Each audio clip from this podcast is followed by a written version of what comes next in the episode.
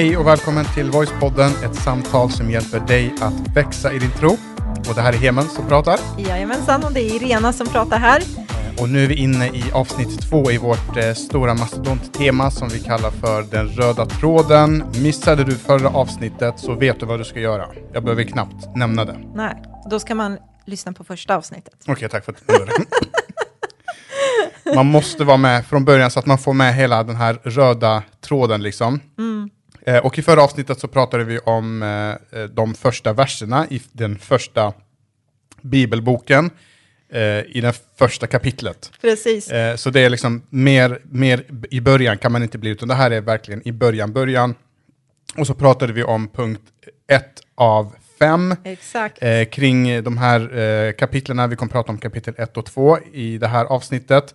Eh, och punkt 1 handlar ju om att det som ligger bakom skapelsen, det är Gud själv och att det inte bara Gud utan Jesus var med när hela universum skapades genom sitt ord. För i honom står det, så skapades allting. Det står i Kolosserbrevet kapitel 1 och vers 16. Eh, och sen så, eh, så pratar vi också om att den som är skapelsens kung, det är Gud själv. Så på grund av att det var Gud som skapade allting så är han också den som är värd att tillbes. Eh, och tyvärr så konstaterar vi att vi människor ibland har tillbett en massa andra saker i våra liv istället för att ge den tillbedjan till, till, till Gud. Då. Eh, exakt. och nu så tänkte jag att vi ska gå rakt in i eh, punkt nummer tre, fyra och fem i det här. Vad är det som händer och vad är det vi kan plocka ur de här första verserna och första kapitlerna i första Moseboken? Nej, men det är ri- riktigt bra sammanfattning där faktiskt. Eh, nummer tre, då är det människan är skapelsens höjdpunkt. För vi, håll, vi, är, vi håller oss inom första kapitlet fortfarande.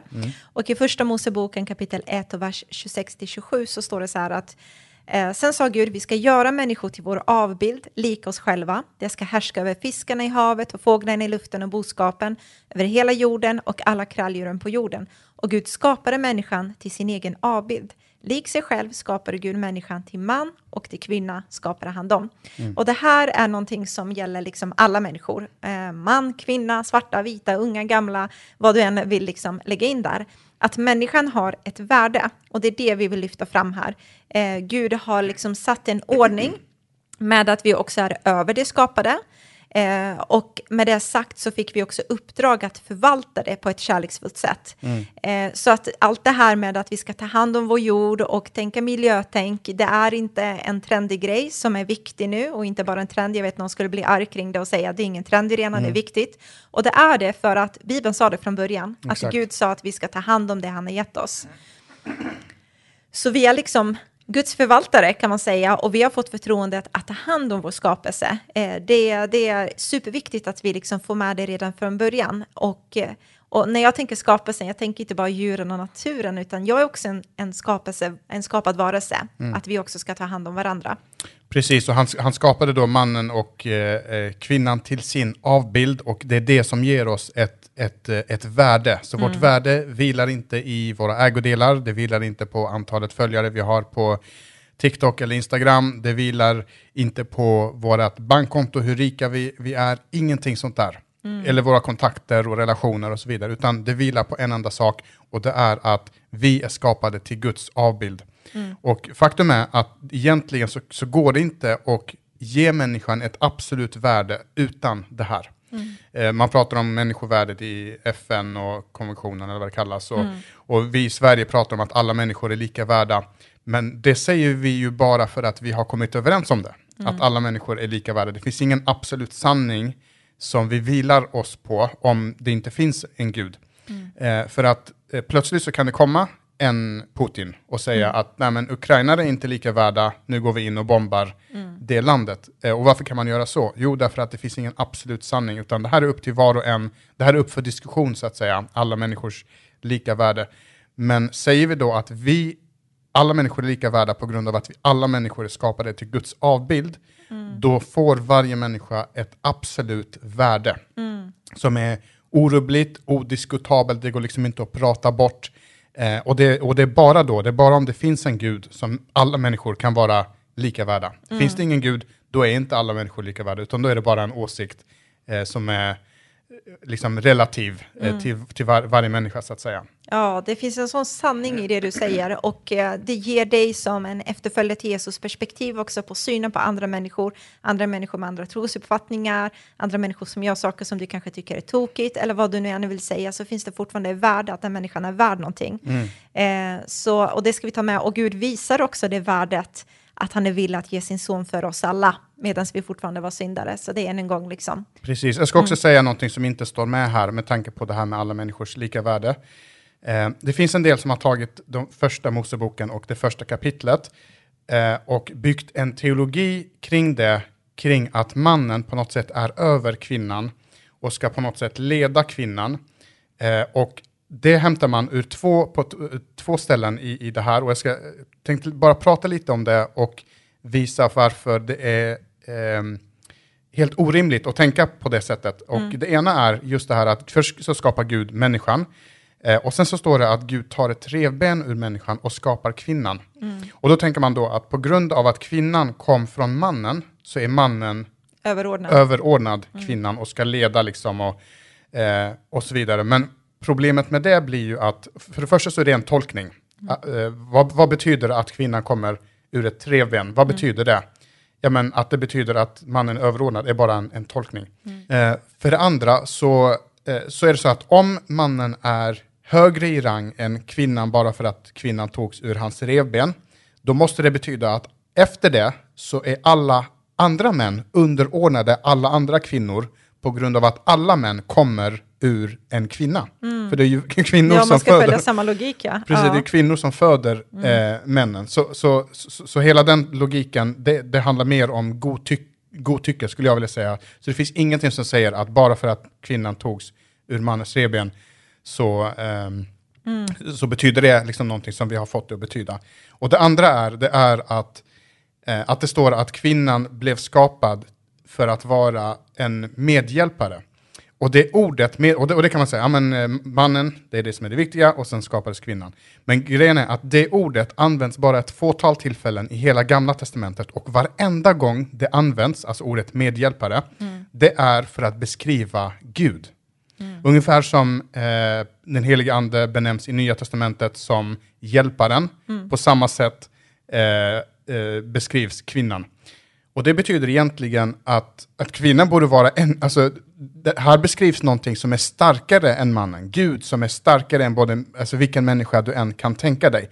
Så den logiken funkar inte här heller, att säga att bara för att det här skapades först, eller bara för att det kallas på, på ett visst sätt, eh, så är det så här. Så att, och det här är egentligen de två enda ställena som, som går att plocka fram för att visa att det finns mm. en rangordning och, och så vidare. Och båda de ställena är bara egentligen hur man själv har fyllt i med egna åsikter och tankar. Mm. Precis, så är det verkligen. Och det är så vi, viktigt att du lyfter fram det, för det är många som funderar kring de här frågorna. Och vi kommer ju se i nästa avsnitt som vi har så ser vi vad är det som händer i relationen mellan man och kvinna när vi väljer bort Gud. Mm. Där ser vi liksom hur saker och ting bryts i relationen, att det blir en, eh, en disconnection liksom, mellan man och kvinna som blir på ett väldigt osunt sätt. Så, men vi ska återkomma till det.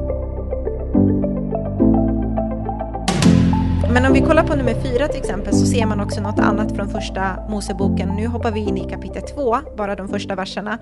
Eh, så kan man skriva upp där att vila är målet för skapelsen. För det är så viktigt att när vi läser Bibeln att vi kommer ihåg det att Bibeln skrevs inte med kapitlar och verser i början, utan det kom till senare så att vi liksom skulle ha det lättare för oss att hitta, läsa, återkomma till ett visst stycke och kapitel och så vidare. Eh, med det sagt, när vi har läst klart det här första kapitlet så slutar inte skapelsen enbart med människan som sin höjdpunkt, så som vi har pratat om innan, utan nästa vers därefter, när du kommer in i kapitel två, så verkar det vara något annat som kommer direkt därefter. Och det tycker jag är också väldigt intressant för att highlighta det som en hö högpunkt, eller höjdpunkt. Mm. Eh, och i första Moseboken kapitel 2 och vers 1-3, då står det så här, så blev himlen och jorden fullständiga med hela sin härskara. Gud avslutade på den sjunde dagen det verk han hade fullbordat. Han vilade på den sjunde dagen från allt det verk han hade skapat.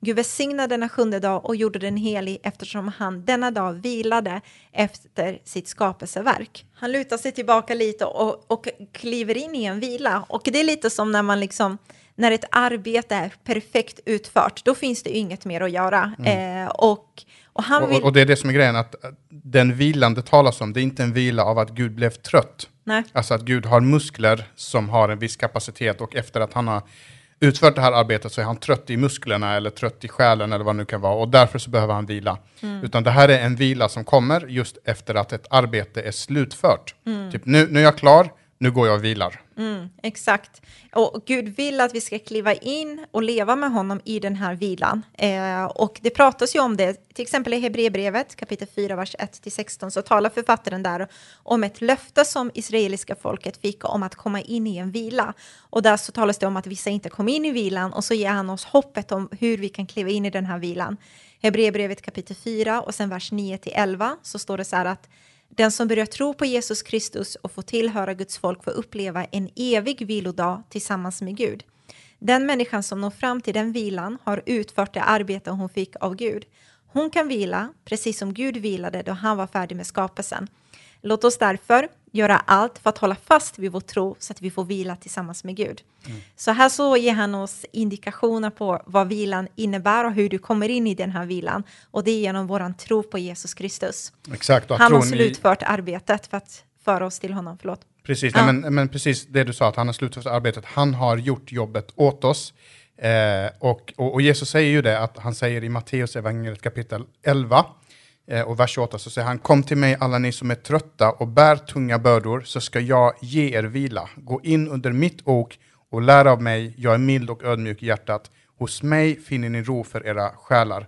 Mitt ok är behagligt och min börda är lätt. Men just det här, eh, kom till mig så ska jag ge er vila. Och vad är det för vila eh, det ger oss? Men vad är det som gör oss trötta?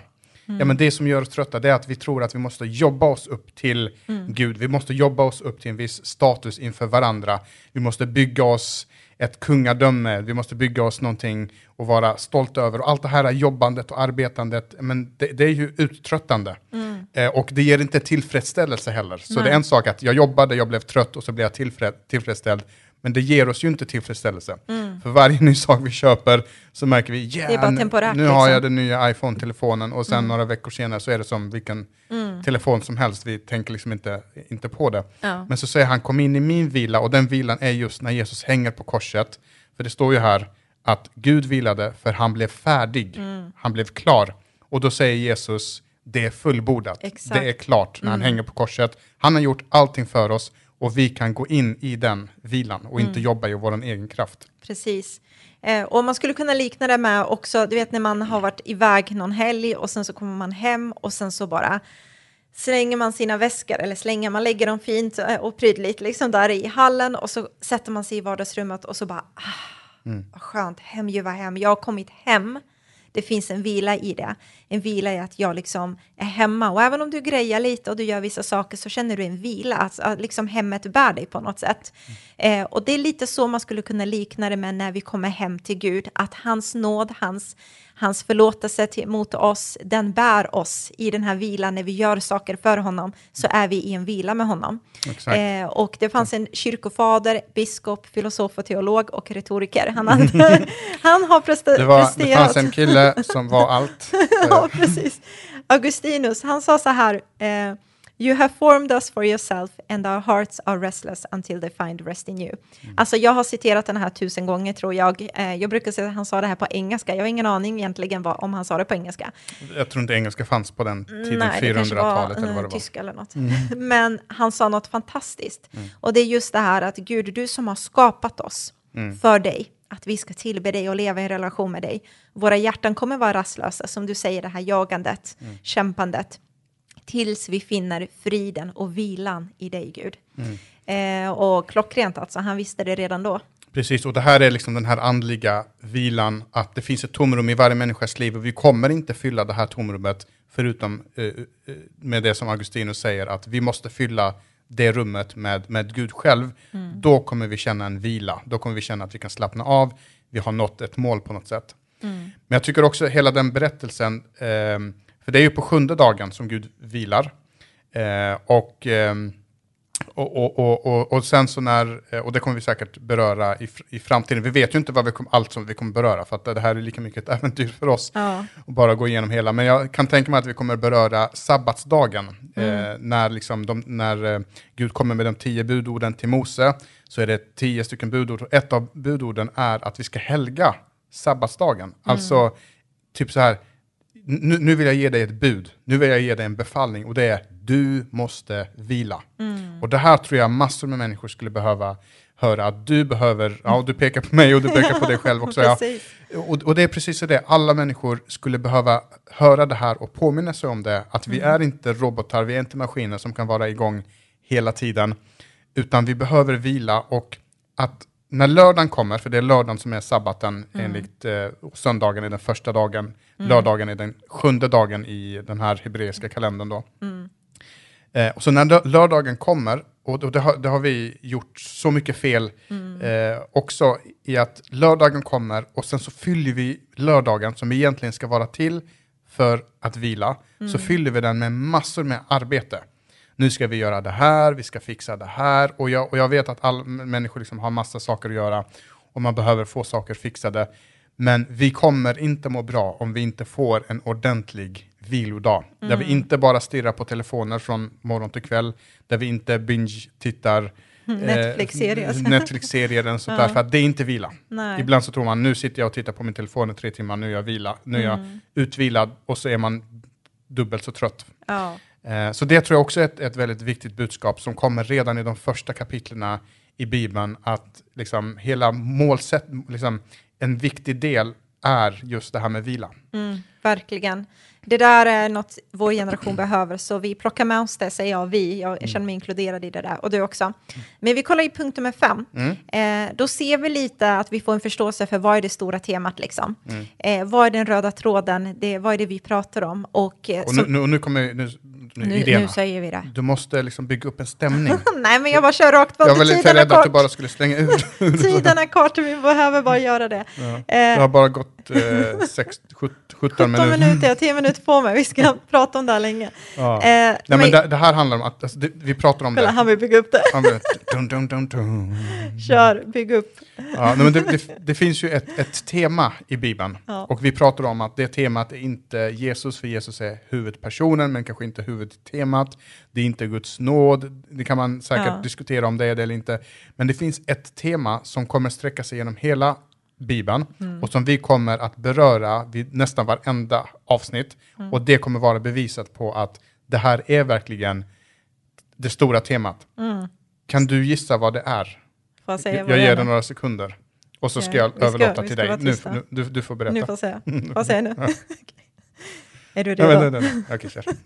Det är Guds rike.